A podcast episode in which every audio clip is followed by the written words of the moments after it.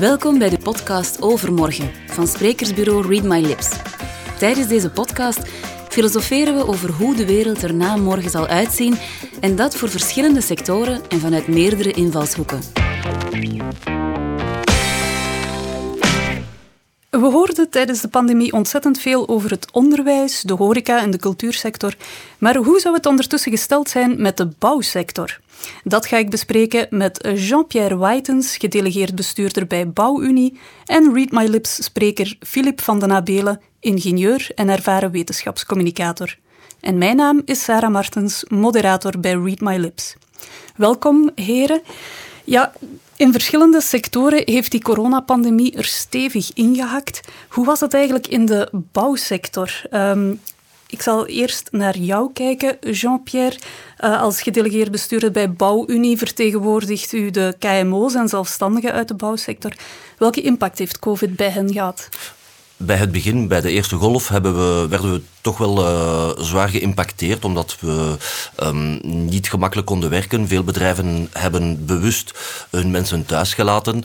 Um, er was ook veel, veel schrik onder de mensen.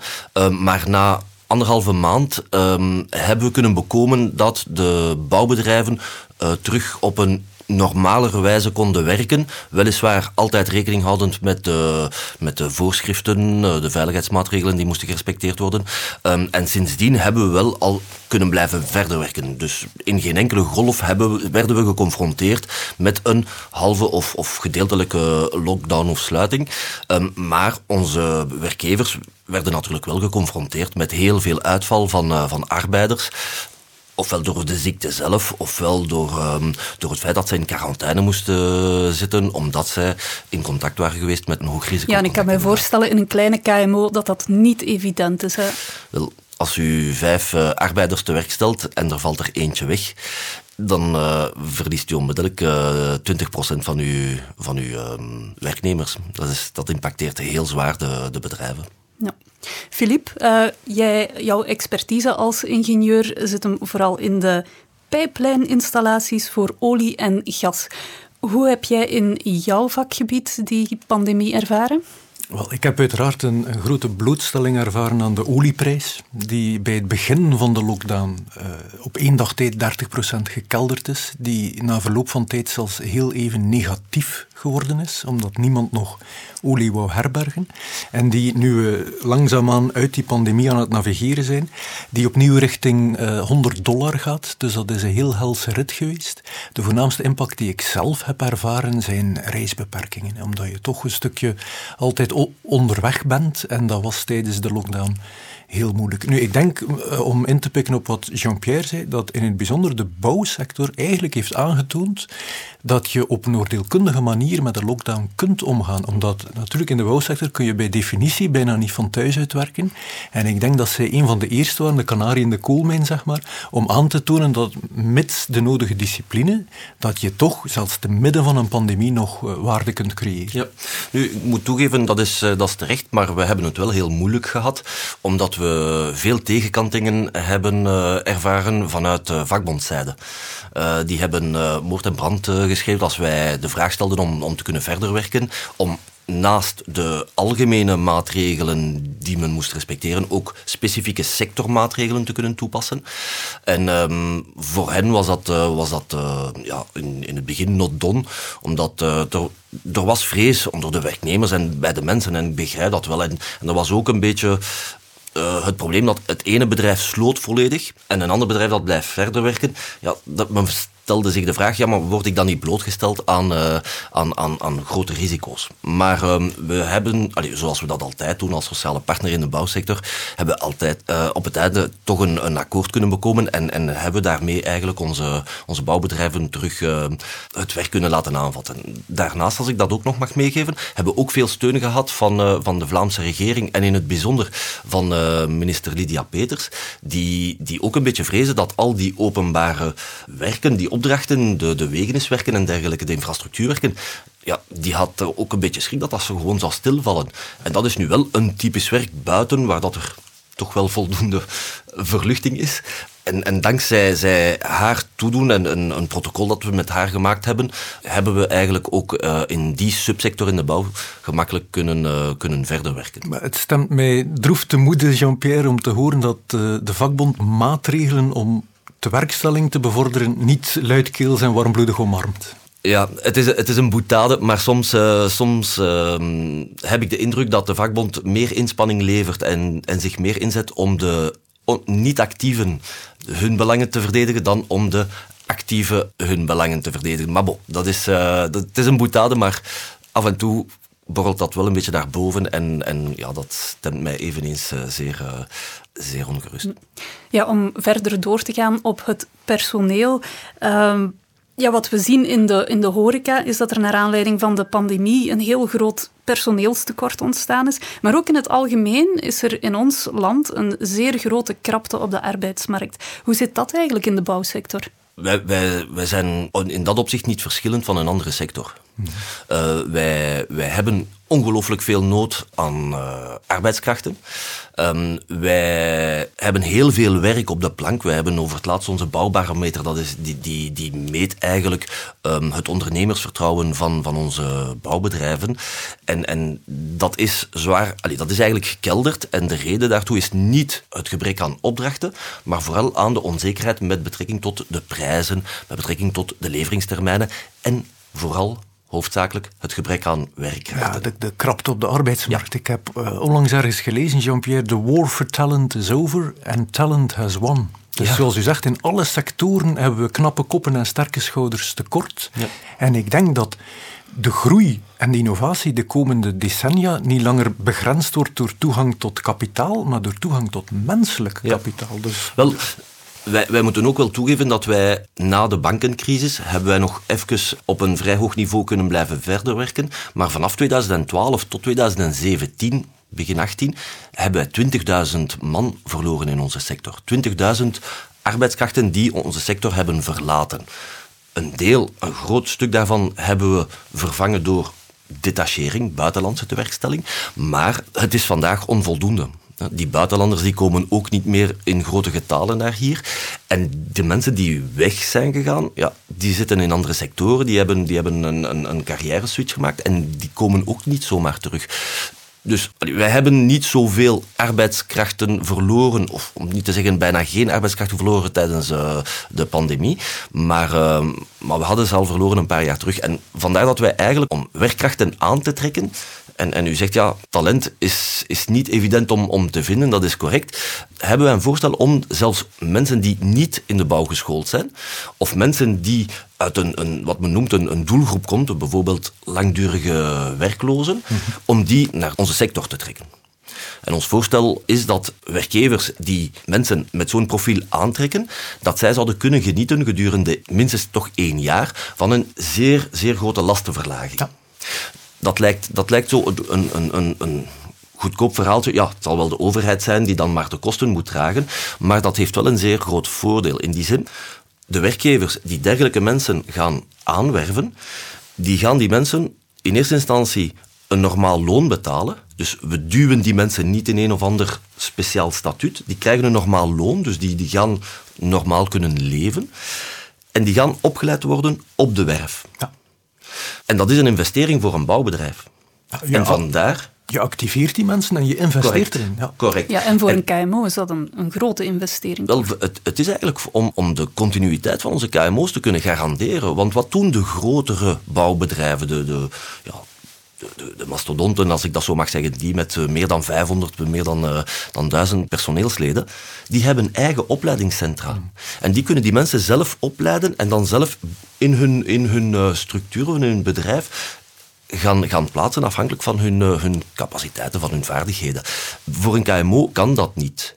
En vandaar dat wij dat voorstel formuleren. En als, ja, is een KMO nog competitief in het aantrekken van talent als zij ook moeten opboksen tegen die mastodonten?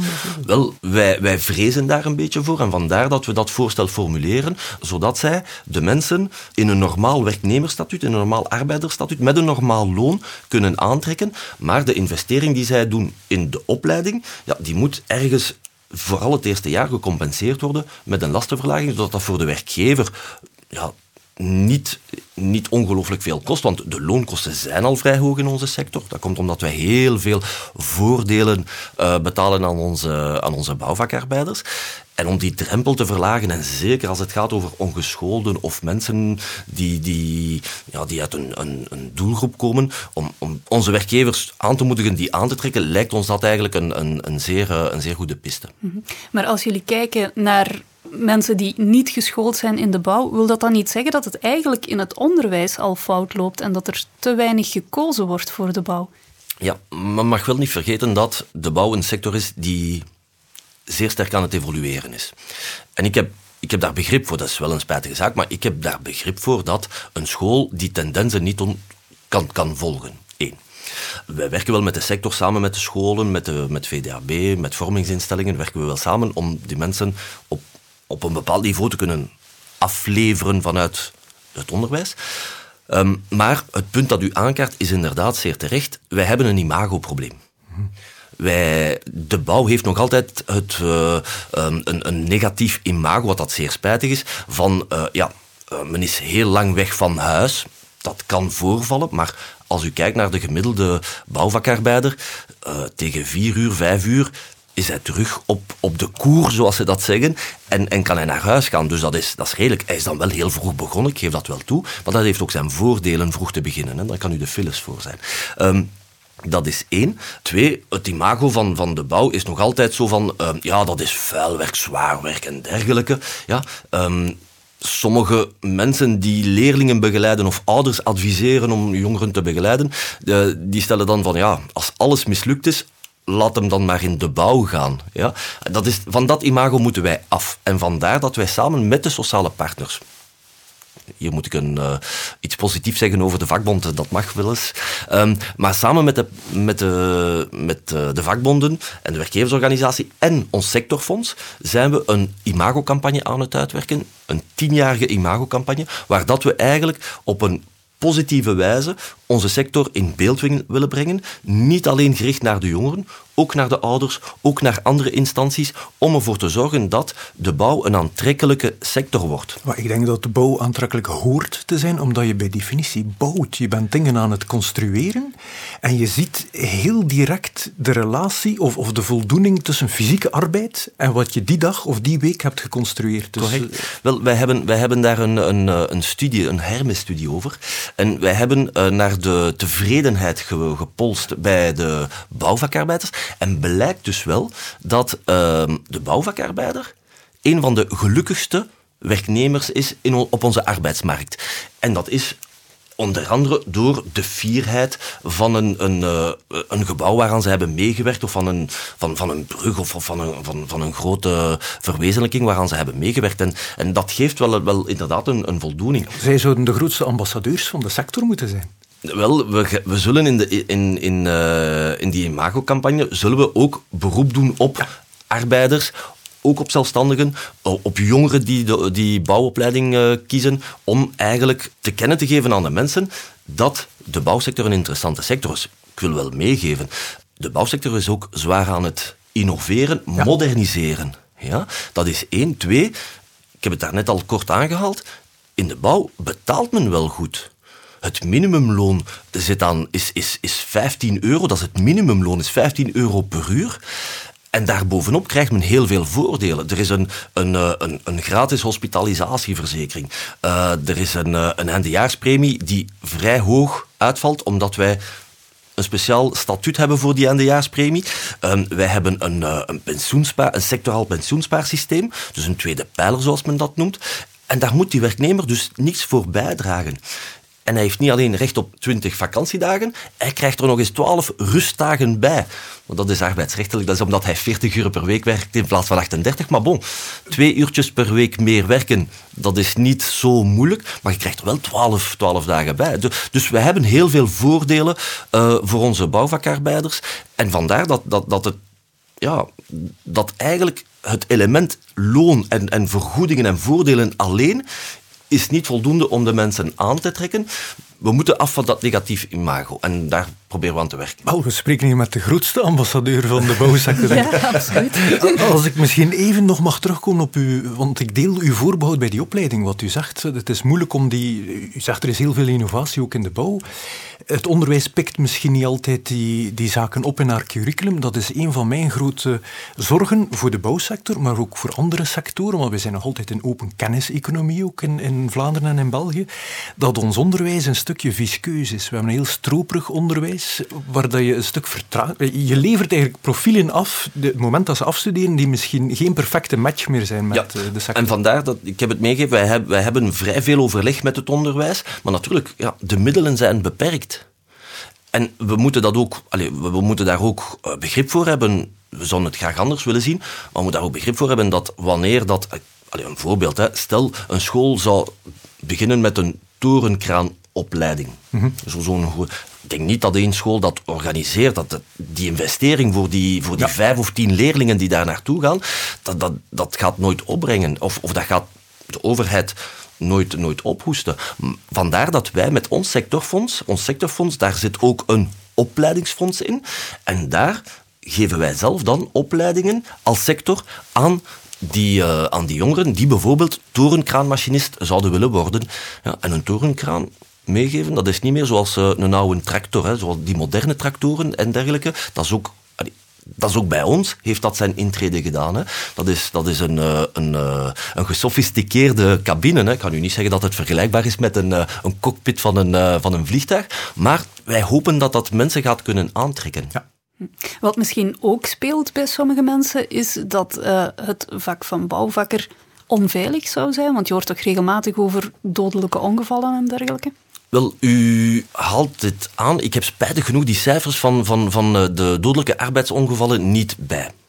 Nu, we moeten daar twee zaken van onderscheiden. Het is inderdaad zo dat als men een gebouw optrekt, als men werkt met, met, die, met, met bepaalde machines, en we zien het soms gebeuren, we hebben, we hebben eh, gevallen gehoord, Sint-Gilles, eh, Antwerpen, spijtig, zeer spijtige gevallen. Dus elk arbeidsongeval is eigenlijk één te veel en elk dodelijk arbeidsongeval is zeker één te veel. Maar binnen onze sector hebben wij ook een veiligheidsfonds. En wij werken, wij werken jaar na, eh, na jaar werken wij aan die veiligheid eh, op onze werven. En dat is natuurlijk een, een, een, een verantwoordelijkheid en een bevoegdheid van iedereen. Onze sectoradviseurs, die gaan op de werven de werkgevers en de werknemers informeren, helpen om de juiste veiligheidsmaatregelen te treffen. Ehm, wij zorgen ervoor dat, dat heel veel veiligheidsvoorschriften niet in tekst worden uitgeschreven, maar dat we, dat we kunnen werken met pictogrammen, zodat het gemakkelijk begrijpbaar is voor... Op onze werven wordt er tegenwoordig niet enkel nog Nederlands of Frans gesproken. Hè. Eh, op onze werven worden van alle talen gesproken. En we kunnen moeilijk allemaal die veiligheidsmaatregelen gaan, gaan staan vertalen. Dus we werken met pictogrammen, zo is dat gemakkelijk eh, begrijpbaar. Ehm, dus wij doen veel inspanningen. En sinds dat ik de bouw volg, heb ik toch niet de indruk dat wij grote pieken hebben. Bon, er is altijd een beetje variatie, maar dat we grote pieken hebben van arbeidsongelukken, eh, of van ongevallen, enerzijds. Anderzijds, er is eerder een, een, een tendens dat het naar minder ongevallen gaat. Dus we zitten daar goed. Daarnaast mag men ook niet vergeten dat we met de, innovatie die, met de innovaties die er zijn, men eigenlijk ook daar veiliger kan werken. Als men vroeger bijvoorbeeld een, een steen van of, of, of een, een, eh, een, een, een, eh, een, een arduinsteen van, van, eh, van 50 kilo of van 80 kilo, ja, dat krijgt u nooit alleen boven. Want tegenwoordig zijn er al kranen die van, van, van, van, de, van op de grond dat naar boven brengen. Maar eens dat u op die stelling staat om dat te plaatsen, ja, dan moest u met twee of met drie zijn. Ook daar bestaan al toestellen om dat eigenlijk op een veilige manier en zonder al te veel risico's te gaan plaatsen. Daar ben ik heel optimistisch dat innovatie en technologie een stukje kan bijdragen. Ik, ik ben akkoord, Jean-Pierre, u bent de bouwsector, dus bij definitie bent u al blootgesteld aan, aan meer gevaren dan, dan sommige andere sectoren.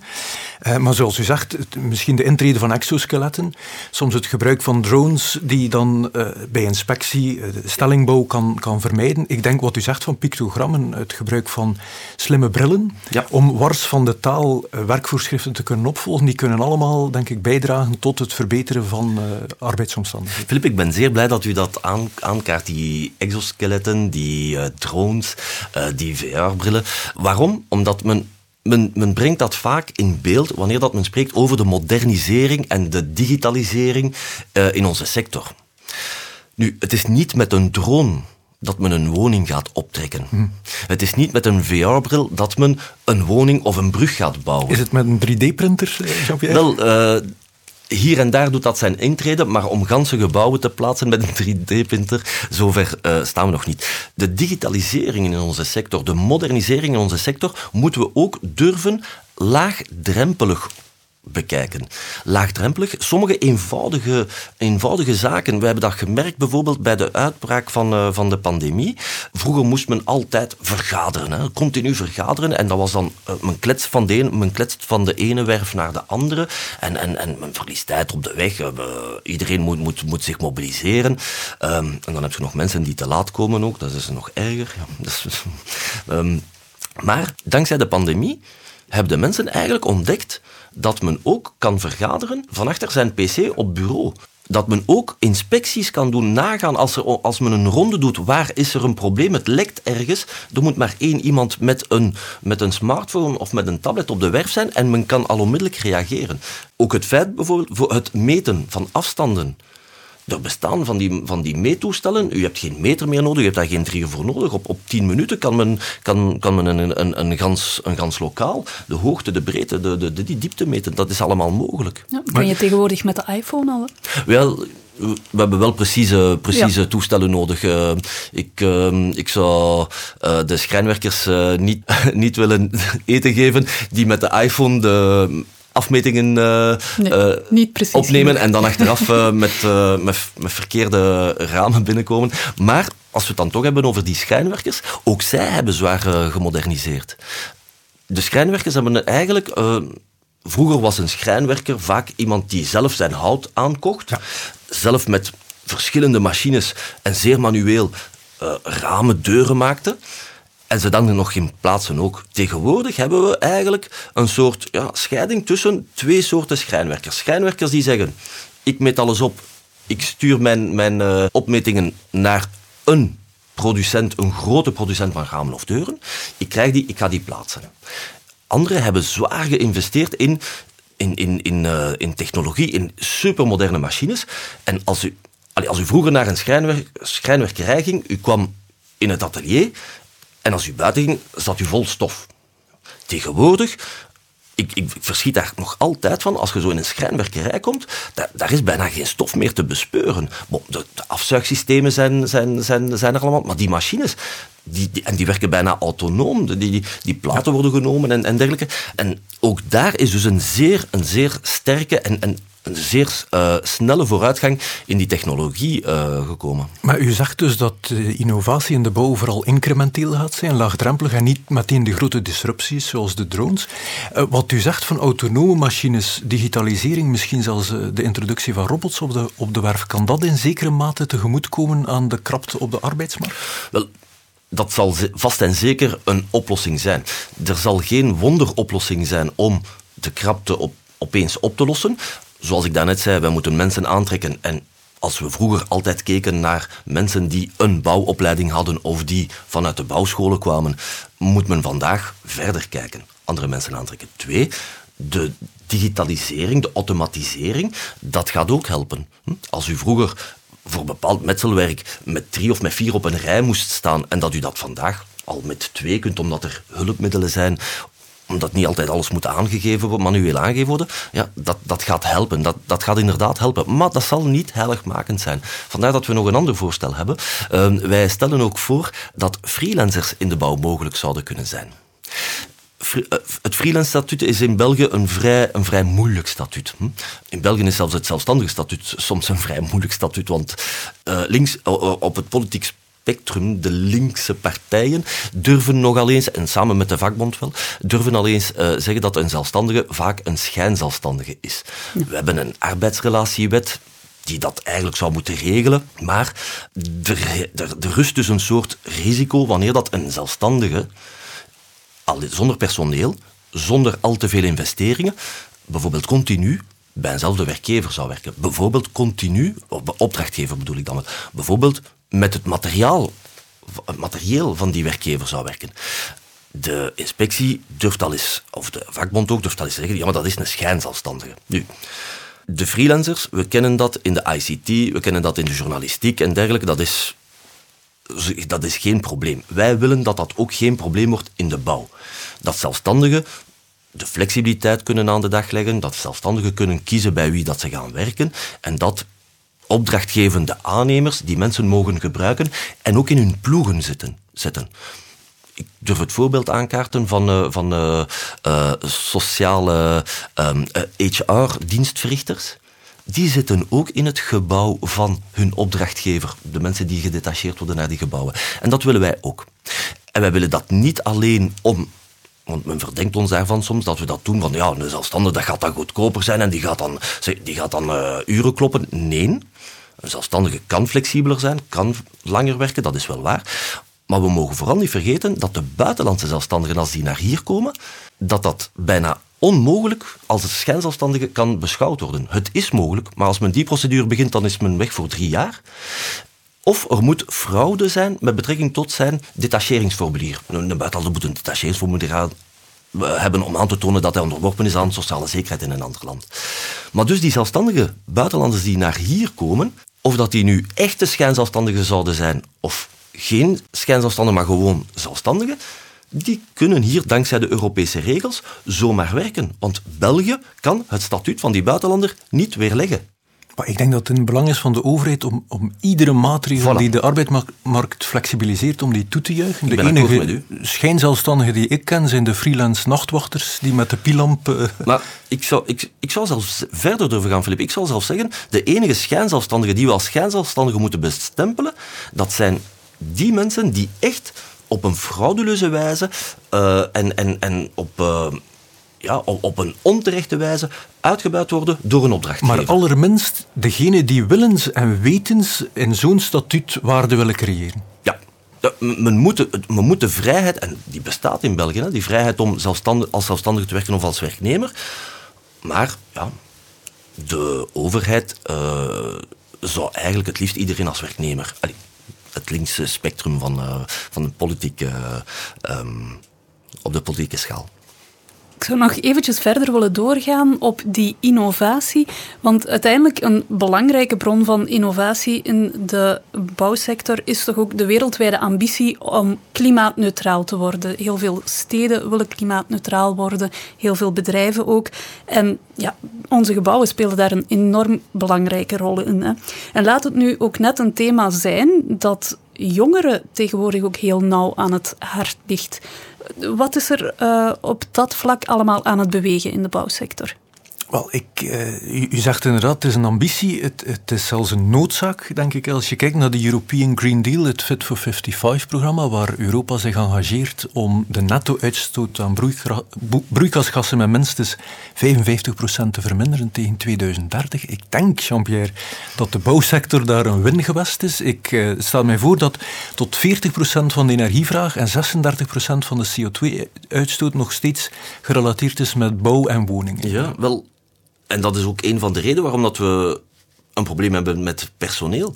Want er is veel werk. We moeten ongelooflijk veel woningen renoveren tegen. Ik denk dat we rond de 100.000 woningen per jaar zouden moeten renoveren uh, om de doelstellingen te kunnen halen. Ja, de, de renovation wave van de European Green Deal spreekt van 43 miljoen woningen tegen 2050. Wij halen dat niet. Dat is 6500 woningen per dag. Wij gaan, wij gaan daar 200 jaar over doen tegen dat we al die woningen geïsoleerd hebben. Voor zover dat die woningen dan nog blijven bestaan, voor zover dat de technieken nog dezelfde zijn. Dus ja, um, en, en we stellen dat ook vast, dat veel, heel veel mensen zich bewust zijn, daar, daarvan bewust zijn, sommigen al meer dan anderen. De mensen zien vooral de grote voordelen. Eens dat zij een woning, een bestaande woning, isoleer dakisolatieplaatsen, uh, de, de beglazing aanpassen, vloerisolatieplaatsen en dergelijke. Het grote voordeel is dat u dan onmiddellijk uw, energiefactuur ziet dalen. Trouwens, tussen, allez, een, een, een, een, kleine tussen haakjes. Uh, wij hebben nog niet langer dan, uh, dan deze week hebben we een voorstel geformuleerd waarbij dat wij um, niet voorstellen dat de energie, of dat we zien dat de discussie voor de energiefactuur, de btw-verlaging, dat, dat, dat een moeilijke is. Wij stellen eigenlijk voor, laat die btw-verlaging vallen, spoor, spoor de mensen aan om hun woning te renoveren. Ja. Spoor de mensen aan om duurzaam hun energieverbruik naar beneden te brengen. Want zo, zo rommelen in de kantlijn heeft weinig zin en zeer die, zeker die tijdelijke maatregelen. Wij koppelen daar een belastingverlaging aan, maar eens dat de mensen die werken hebben uitgevoerd, wel, dan zijn ze voor een langere termijn in orde en wij kunnen op die manier ook weer sneller die, um, die, die klimaatdoelstellingen gaan halen. Dat is Er hangt een prijskaartje aan, wel, wel aan voilà, die ik investeringen. Ging, ik, ging, ik ging daarop uh, uh, op uitkomen, in die zin. Er zijn er die, die, die daar zich heel bewust van zijn. Maar bon, als u een keuze moet maken met een beperkt budget, een jong koppel, om een warmtepomp te plaatsen van 10, 15, 18.000 euro, afhankelijk van de grootte van uw woning, of een condenserende gasketel van 3 tot 4.000 en half. Ja, als uw budget beperkt is, zijn de mensen soms genoodzaakt om iets anders uh, te installeren. Uh, ik heb de, de, exacte cijfers niet bij de hand, maar een collega uh, binnen Bouwunie heeft, heeft die cijfers um, bekeken. En vorig jaar zijn er bijna evenveel stookketels op ehm, fossiele brandstof geplaatst geweest, dus op olie en, en, en gas als andere, dus modernere uh, uh, installaties die, die, die gebruik maken van, van hernieuwbare energie of die gebruik maken. Dus in dat opzicht, we zijn er nog belangen niet en vandaar de overheid zou moeten steun geven, de mensen aansporen als ze de investering doen om eigenlijk het tekort aan middelen die ze hebben, om die eigenlijk bij te passen. Pas op, niet gratis en voor niks. Hè. Hun besparing de besparing die zij realiseren, zou hen dan in staat moeten stellen om de overheid toch op zijn minst een deeltje terug te betalen. Uiteraard. U raakt daar een open zenuw, als ik mag, Jean-Pierre, dat, dat jong koppel waaraan u alludeert, kan die in de toekomst nog zonder de hulp van kapitaalkrachtige ouders een eigen nest bouwen? Wel, uh, ik hoop het. Ik hoop het echt, want als uh, de jonge mensen die aan het begin van, van, ja, van hun gemeenschappelijk leven, aan het begin van hun carrière staan, niet meer gaan kunnen bouwen of verbouwen, ja, dan gaan we met een groot probleem zitten. Hè. Dan, gaat, dan gaat een woning hebben enkel voor de little fews voorbehouden zijn. Um, wij hopen dat dat mogelijk blijft, vandaar dat wij pleiten voor een btw-verlaging die wij nu kennen, btw-verlaging voor afbraak en heropbouw. Ja. Ook daar pleiten wij om die regel op zijn minst nu al eens te verlengen en liefst nog definitief te maken. Een btw-verlaging in onze sector, in de bouw, heeft een ongelooflijk direct effect. Met permissie, Jean-Pierre, leidt een btw-verlaging van pakweg 21% naar 6% niet dan ogenblikkelijk tot een inflatie van de prijzen van de aannemers? Dat is, net, dat is net het leuke, dat is net het verschil met andere sectoren. In die zin, een aannemer als hij een prijs geeft, die zeker als het gaat over renovatie. Mhm. Nieuwbouw, dat weten we, dat is altijd 21% Maar als het gaat over renovatie of afbraak en heropbouw, al dan niet dan 6% dan weet een aannemer niet altijd op voorhand zijn alle voorwaarden voldaan voor het 6 of het 21% tarief. Voor een, aan, een aannemer die een correcte prijscalculatie doet, ja, die gaat uit zijn kosten zijn zonder rekening te houden met de BTW. Dus zijn, prijs, zijn bestek weerspiegelt zijn prijs wars van de... Wars van de BTW. Natuurlijk, hij moet wel een prijs BTW inclusief geven ten aanzien van een particulier, maar dat kan dan 6 of 21 zijn. Maar als het 21 is en dat wordt verlaagd naar 6, dat is 15% een onmiddellijke besparing van 15% op die, die eindfactuur van, van, van die klant. En dat is het, grote, het directe en grote voordeel. Ja. Nu, aan het einde van onze podcast blikken wij graag uh, wat voorop naar de toekomst. Een van de vragen die we altijd stellen is: ziet de wereld van overmorgen er beter uit dan die van nu en morgen? Wat denk jij, Filip? Absoluut. Ik ben een onverbeterlijke vooruitgangsoptimist. Ik vind dat de wereld vandaag al zoveel mooier en beter is dan die van eergisteren. Dus het, het leidt niet de geringste twijfel bij mij dat die van overmorgen er nog beter zal uitzien. Ben je het daarmee eens? Ik kan dat enkel onderschrijven. Ik heb het grote voordeel uh, dat ik uh, Brussel verlaten heb als student en dat ik uh, twee jaar geleden, anderhalf jaar geleden, Brussel terug ben binnengestapt als inwoner. En als diezelfde evolutie zich gaat verder zetten, dan, dan volg ik u volledig, Filip, en ben ik benieuwd en kijk ik al uit naar Brussel in, in 2030, 2035. Welke trends zien jullie de komende jaren in jullie vakgebied nog doorbreken? Dat is geen evidente, maar de digitalisering die laagdrempelig nu op gang aan het komen is en die een klein beetje versneld is met corona, um, die, gaat zeker, die gaat zich zeker verder zetten. En wanneer dat een aantal van die vernieuwingen, uitvindingen, bijvoorbeeld u hebt het exoskelet ja. aangehaald, ja, dat gaat nog een beetje tijd vergen eer dat dat volledig gaat ingeburgerd zijn. Maar dat zijn elementen die eigenlijk onze, on, het werken in onze sector zeker gaan, uh, gaan uh, vergemakkelijken. En uh, eerder dan allemaal met drones te zitten vliegen rond een gebouw, denk ik dat dat eerder middelen zijn die, die onze werven zullen um, zullen uh, overrompelen. Wel, daar neemt u mij dan inderdaad de woorden uit de mond, Jean-Pierre. Ik denk zeker dat digitalisering uh, een van de grote trends gaat zijn. Uh, BIM is misschien een te groot woord en, en heeft nog wat, wat groeimarge, maar ik denk, zoals u zegt, die laagdrempelige, voor de hand liggende, faciliterende digitalisering, dat die zeker een hefboom kan plaatsen op productiviteit. Als ik iets mag zeggen over BIM... BIM ja, misschien is een, even toelichten wat het is. Ja, BIM is eigenlijk een digitaal, een digitale weergave in 3D van een gebouw, tot in het kleinste detail. Dus men kan eigenlijk bij wijze van spreken, daar waar dat men een, uh, een rooster moet plaatsen uh, van, van vijf op vijf, kan men dat daar gewoon uithalen. Een, een, de pioniers die daarmee begonnen zijn, die, die waren daar absoluut weg van. En dat, dat allee, het idee is zeker positief. Al wat dat men verandert, of al wat dat men uit het model haalt, op elektronische wijze, is eigenlijk ideaal om dat dan uit te voeren. En als men iets wijzigt, wijzigt bijna automatisch een, stuk van dat plan. Grote projecten zijn daarmee begonnen. Die pioniers zijn daar weg van. Nu, nu dat dat moet doorcijpelen, en dat zijpelt door van de grote naar de kleine werven, moeten we toch wel vaststellen dat dat nog niet op punt staat. Het is nog niet af. Het is een beetje zoals we de, de, een, een Apple-car of een Google-car zouden hebben, die nog regelmatig tegen een muur of tegen een paal zou rijden. Ja. ja, dan, dan hebben we graag nog het stuur vast. Dus BIM is vandaag de dag nog een klein beetje te vroeg, maar allee, dat is de tendens die, waar dat we naartoe gaan. Hè. Maar, ja, en de pijplijnen voor olie en gas, zit daar nog veel toekomst in, Filip? Of eh, moet je je gaan omscholen? Ik, ik ga me moeten omscholen naar pijpleidingen voor CO2-transport en voor het transport van waterstof en van mengsels van waterstof en, eh, en methaan van aardgas. Dus ik denk dat daar vooral de toekomst zit in de energietransitie. Een stukje weggaan van olie en gas, maar pijpleidingen wel hanteren als een van de meest efficiënte manieren om andere moleculen uh, te transporteren en dan dus in het bijzonder CO2, van alle CO2 die we willen afvangen en opslaan, en van waterstof als een nieuwe energiedrager voor de toekomst. Dus dat belooft nog uh, voor de toekomst. Dan heb ik nog één laatste vraag voor jullie, heren. Wat is jullie persoonlijke wens voor de komende jaren? Ik zal beginnen bij jou, Filip. Ach, uh, ik wens iedereen de brani om te bouwen.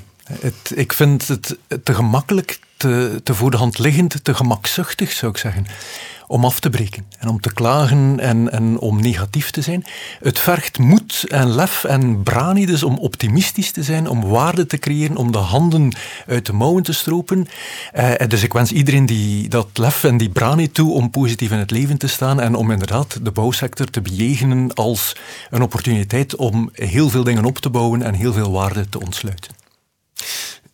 Ik uh, kan dat volgen en ik wens de mensen die willen bouwen naast de durf en, eh, en, en de moed die ze daarvoor moeten hebben, ook de financiële middelen die ze daarvoor zullen nodig hebben. En ik hoop dat, uh, dat wij met, uh, met onze imagocampagne voor de komende tien jaar, dat wij een, een bouwsector gaan hebben die zeer aantrekkelijk gaat zijn. En dat men de mensen op een gemakkelijke wijze in onze sector kunnen trekken. Want het zou spijtig zijn dat we gans onze sector zouden moeten afgeven aan de buitenlanders die onze markt zouden durven komen uh, uh, overrompelen of overspoelen. Dus um, ik kijk uit naar een, um, een, een moderne, mooie sector die, die aantrekkelijk is voor iedereen die daar wil werken. Heel hard bedankt, heren, voor dit gesprek en ook voor de mooie wensen voor de toekomst. Zo, dat was het voor vandaag, beste luisteraars. Ben je nieuwsgierig naar meer? Bekijk dan zeker eens de website van Read My Lips via readmylips.be. Daar vind je zowel informatie terug over mij, Sarah Martens, jouw moderator van vandaag, als info over Filip van den Abelen als spreker op misschien wel jouw volgend online, hybride of fysiek event. Bedankt en tot later. Beluister alle podcasts van Overmorgen op Soundcloud of Spotify. Met veel plezier aangeboden door sprekersbureau Read My Lips.